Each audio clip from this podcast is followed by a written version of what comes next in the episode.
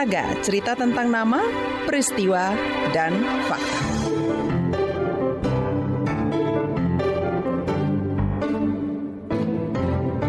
Jamaluddin menyulap kandang bebek di belakang rumahnya menjadi rumah koran. Ini adalah tempat belajar bagi para petani di desanya yang rata-rata buta huruf dan putus sekolah. Jurnalis KBR Astri Yuwanasari mengintip sepak terjang Jamaluddin mencerdaskan para petani di Desa Kanreapia, Kabupaten Goa, Sulawesi Selatan. Kita akan menulis nama Ibu Kartini. Rumah Korang berasal dari kandang bebe yang kemudian uh, kami berusaha untuk mendirikan wadah di pedesaan. Itu tadi Jamaluddin, usia 30 tahun pendiri rumah koran di Desa Kanriapia di kaki Gunung Bawakaraeng, Sulawesi Selatan. Tujuannya adalah bagaimana kemudian ada wadah belajar di petani dan di pedesaan. Uh, dari rumah koran ini kemudian uh, kita menginginkan uh, ada perubahan-perubahan pola pikir di masyarakat. Sejak pagi-pagi ketika desa masih diselimuti kabut tipis, Jamaluddin sudah sibuk mengajar menulis. Muridnya mulai dari anak para petani, petani muda sampai petani tua.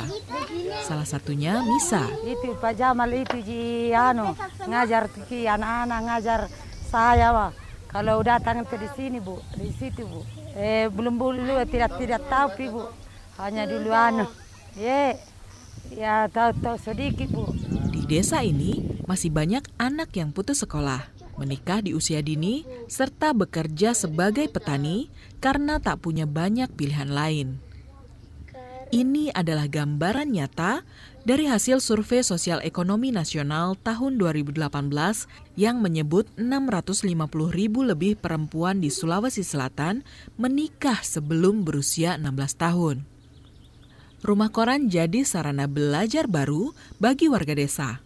Lewat baca tulis, Jamaluddin yang lulusan S2 Magister Manajemen ini kembali ke desa. Ia juga memasukkan ide-ide baru kepada para petani soal pertanian organik. Kami melihat uh, pada saat petani dia mengaplikasikan uh, produk-produk bahan kimia anorganik di lahan mereka, mereka tidak menggunakan pengaman di uh, diri mereka. Mereka kemudian tidak menggunakan masker, mereka tidak menggunakan uh, kaos tangan dan uh, lain lain lainnya pengaman-pengaman yang lain, sehingga uh, kesehatan di petani itu sangat rawan.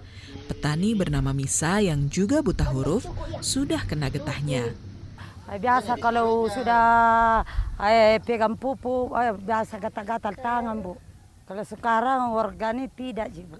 Cita-cita Jamaluddin adalah mewujudkan Kanreapia sebagai kampung sayur dan desa organik. Kemudian edukasi yang coba kita lakukan adalah bagaimana kita mengadakan uh, pertemuan-pertemuan kelompok-kelompok tani, kemudian uh, kita bagaimana mensosialisasikan uh, produk-produk organik dan bagaimana kita bersama-sama dengan para petani dan kelompok tani untuk kemudian sama-sama memahami tentang pertanian organik. Total ada 5.000 petani di desa Kanreapia. Hampir setengahnya sudah mulai beralih ke pertanian organik. Eh, dari eh, pertanian organik juga eh, membawa pertanian kita jauh lebih menarik karena pertama dia pemasarannya jauh lebih luas, kemudian dari segi unsur hara tanah itu akan jauh lebih bagus sehingga produktivitas dari lahan tersebut akan jauh lebih tinggi kemudian yang eh, paling utama adalah eh, kesehatan petani.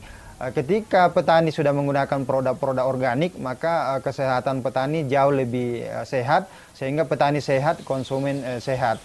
Tanamannya Bu, kalau pakai organik, hijau, eh, nasukai pedagang. Kalau ada orang datang lihat-lihat, Menurut Misa, sejak beralih ke pertanian organik, penjualan sayurnya bertambah. Itu mi baik nalia orangnya. Kalau ada orang datang, oh bagus-bagus kenal ya.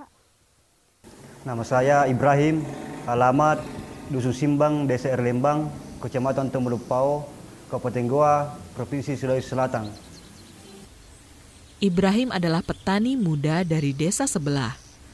Ia juga menerapkan ilmu pertanian organik yang didapatnya dari Jamaluddin.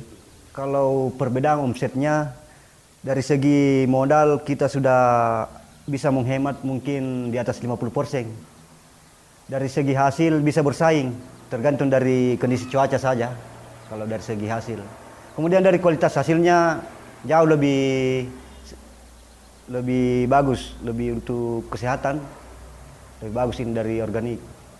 Kemudian untuk ketahanan, ketahanan hasilnya jauh juga lebih tahan kalau organik. Saat ini Jamaluddin sudah membuat 10 rumah koran di desa-desa sekitar Kandreapia.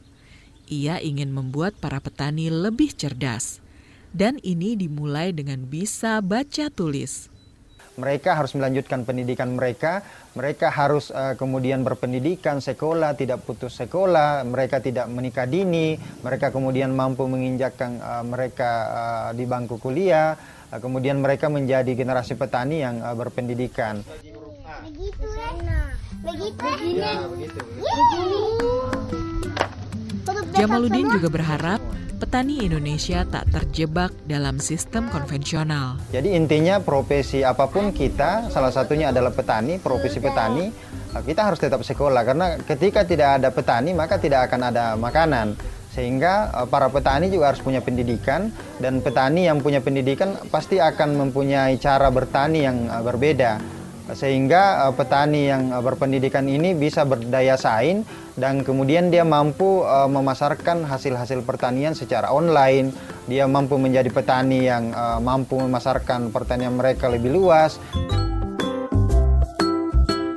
Demikian Saga KBR, saya Astri Yuwanasari. Terima kasih sudah mendengarkan.